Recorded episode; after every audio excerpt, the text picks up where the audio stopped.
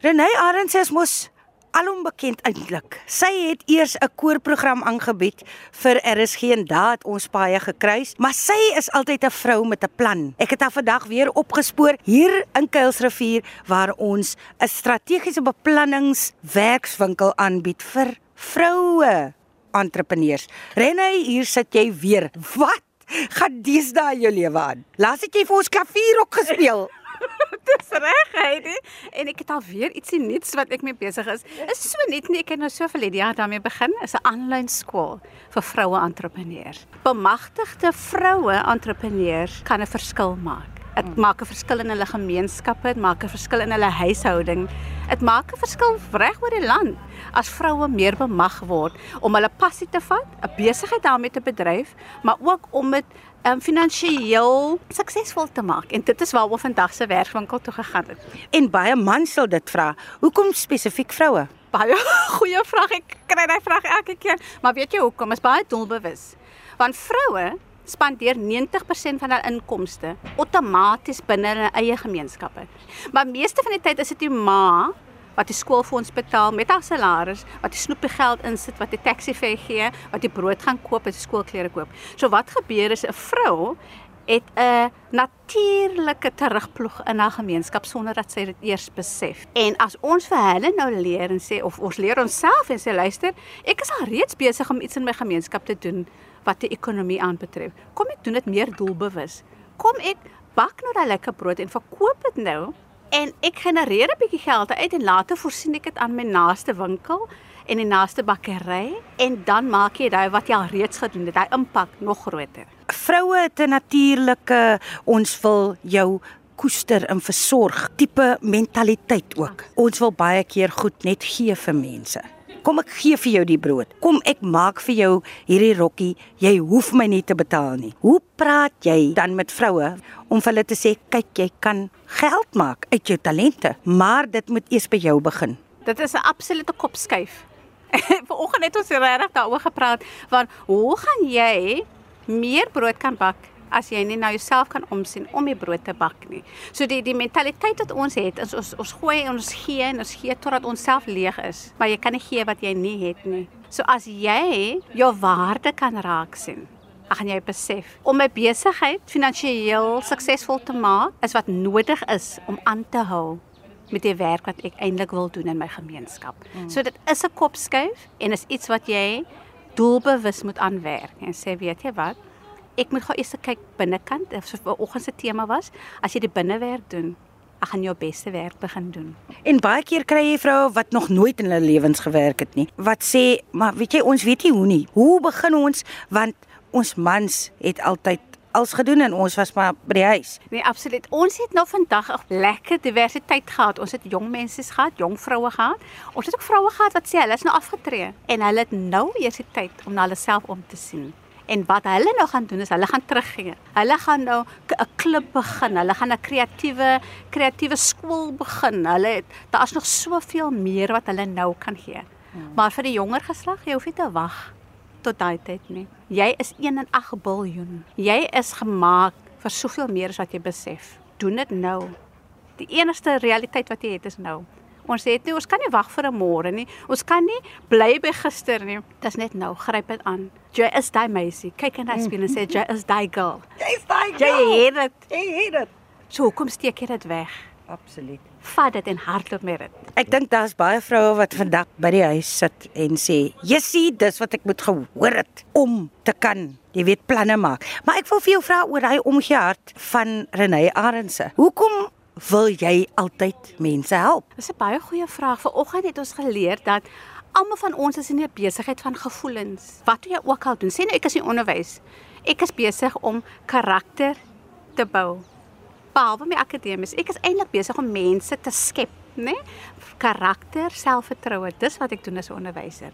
Ehm um, as iemand in die skoonheid wêreld is, sy is besig om 'n vrou wat nie lekker voel oor haarself nie, as sy vrou uitstap met daai haarstyl en daai nuwe gremering, waarmee sy besig? Sy is besig met selfvertroue en om iemand te empower en te bemag. Soos almal is in daai besigheid. En vir my is hierdie bemagtiging regtig die aanlyn skool vir vroue entrepreneurs ek wil daai iemand wees wat ek nodig gehad het 16 jaar gelede. toe ek op my eie gaan, want ek weet hoe moeilik dit is om jou eie besigheid te bestuur is baie eensaam. Dit is baie oorweldigend, baie kompetering. En ek wens ek het 'n iemand gehad. 'n persoon wat sê Renée, moenie worry nie, staan weer op, dit gaan werk. Probeer net nog 'n keer. Daai is die persoon wat ek wil wees vir die vroue wat vandag in die aanlyn skool is. Ook vandag hier in Kuilsrivier is Juna Kleinsmid. Ek is basies gebore in Elsiesrivier, opgegroei in die 60s 70s jare. Um een nadeel in my lewe was die feit dat ek kon nie hoërskool toe gaan nie en ek het maar van die ouderdom van 15 jaar oud af my eie baas begin word. Vanaf 15. Vanaf 15 jaar oud. So as, as ek nou sê ek is nou al business owner vir die laaste 40 jaar van my lewe. Dis stampe en stote. Dis nie maklik nie, maar ek glo dat ek moet want ek moet betekenisvol wees vir die lewe. Ja, liefde vir mense dryf my om daar te wees vir ander vir so lank as wat ek my pa geken het, hy het maar vir homself gewerk. So ek het daar al geglo dat ek dit nodig het, het om vir iemand anders te gaan werk om geld te verdien nie. Ek het geglo dat ek kon self. So ek kan onthou die eerste produkte wat ek begine verkoop het was sulke klein dun blou en pink horlosietjies en dan het ek mense gekry en hulle het by my gekoop. Ek het ook in die loop van so ek ouer geraak het, klere maak, geïnteresseerd geraak daarin. My pa het vir my op 20 jaar oud, het hy my gestuur vir 'n uh, klere maak kursus. Dit was so ook in Elsie's Rivier ding, was Aachen School of Dress Designing. Ek het 2 jaar daai klasse gedoen waar ek geleer het om patrone te maak. So as ek nou terugkyk, het ek omtrent vir 30 jaar klere gemaak vir mense. Ek kan onthou my ons vriende ander dag, hulle wil vanaand gaan dans, hulle het 'n outfit nodig. I just did it. Ek het begin uniforms maak vir skoonmaak companies, maar toe ek moet begin met staafdeel, toe raak ek moedeloos. Ek kan nie met ander mense sukkel nie. Daai tyd het ek nie gedink van werk outsource nie. Ek het gevoel ek moet mense kry en moet vir my werk en dan jy weet so gaan die besigheid aan. Ek het opgepak. Ek het klere maak gestaak en toe begin ek Avon. Ek is nou met Avon vir sê ek dink bykans 12 jaar. So ek het 'n groep representatives, dis wat ons hulle noem. So ek is hulle mentor. Ek leer vir jou om jou eie besigheid te begin. So ek doen nou daai vir die afgelope 12 jaar. Ek hier 'n kiosk by Goodwood Mall. Ek het dit begin in 2018. Dis 'n besigheid wat my kleinkind eendag moet erf hoor. Kyk, my raad vir iemand wat hulle eie besigheid wil begin. Doen jou huiswerk.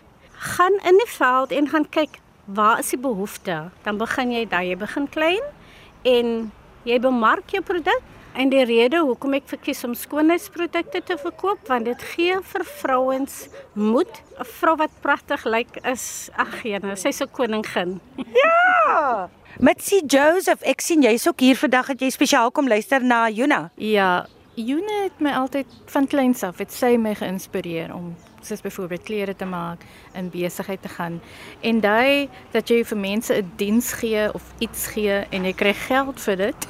Ja. was vir my baie aanloklik. So sy tot op hede is sy nog altyd my sal ek sê my cheerleader en dis hoekom ek ook hier is vandag sy het my genooi. Jong, ek sê vir die fenominale vrou Eria Hendrikse. Eria het, het haar eie besigheid begin. Sy kom uit die onderwys uit. Sy het haar eie development and training agentskap begin. Waar sy vir onderwysers, vir ouers en vir kinders leer om die beste weergawe van hulle self te word.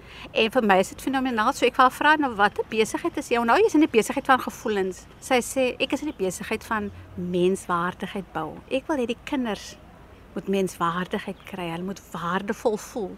Dis hoekom sy die ouers en die onderwysers help en bemag, want hulle is die mense wat die kinders bemag.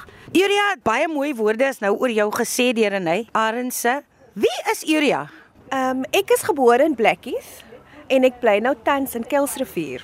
Gee ons 'n bietjie agtergrond. Ek het eendag gelees en jy gaan my nie glo nie. Uh, uh daar's 'n omroeper, ek dink by een of ander radiostasie wat van jou gepraat het as haar rolmodel. Jy weet dit is nie. Daai meisie het met lof van jou in 'n artikel gepraat en dit is die eerste keer toe ek jou naam raak gelees het. Ek kry nou skoons hoendervleis nou wat jy dit noem, want dit was een van my leerders gewees, baie lank terug. Leslie Piet was een van die leerders. Ek was in die onderwys gewees, dis my agtergrond. Ek voel my doel en en waarna ek streef is om vir elke kind 'n geleentheid te gee om die beste te wees wat hy kan wees. Maar daarna het ek ook vir die onderwysdepartement gewerk waar ek met onderwysers gewerk het as adviseur en daarna het ek besef of in my ervaring met dit het ek besef maar om vir kinders die beste te gee, om die beste te wees, is dit nie net genoeg om met kinders te werk. Jy moet eintlik werk met die mense wat die naaste aan kinders is en dit is onderwysers en ouers. So wat ek nou doen is om vir onderwysers en vir ouers amper soos gereedskap te gee, vaardighede te gee, dat hulle 'n bietjie van 'n kopskuif moet maak, maar dat hulle hulle self eers beter moet verstaan om hulle kinders beter te kan verstaan met die kinders wie hulle werk en ook hulle eie kinders sodat hulle beter verhoudinge kan bou met hierdie kinders. Slaap jy sans? Ek probeer.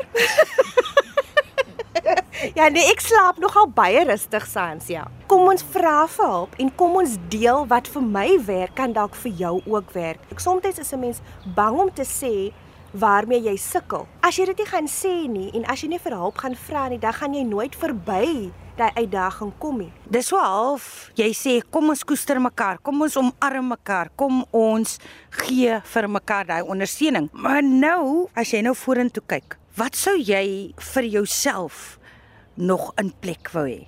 As ek 'n verskil kan maak in soveel moontlike kinders se lewens, sou dit vir my absoluut 'n droom wees. As ek net met meer onderwysers kan werk, dat hulle daai kop skuif kan maak en dat hulle die konteks van kinders kan beter verstaan en dit gebruik in hulle klaskamer en vir hulle laat besef die mag wat hulle in hulle hande het om 'n verskil nie net aan daai een kind te maak nie, maar in die gemeenskap waar hy onderrig, sal dit vir my hemel wees.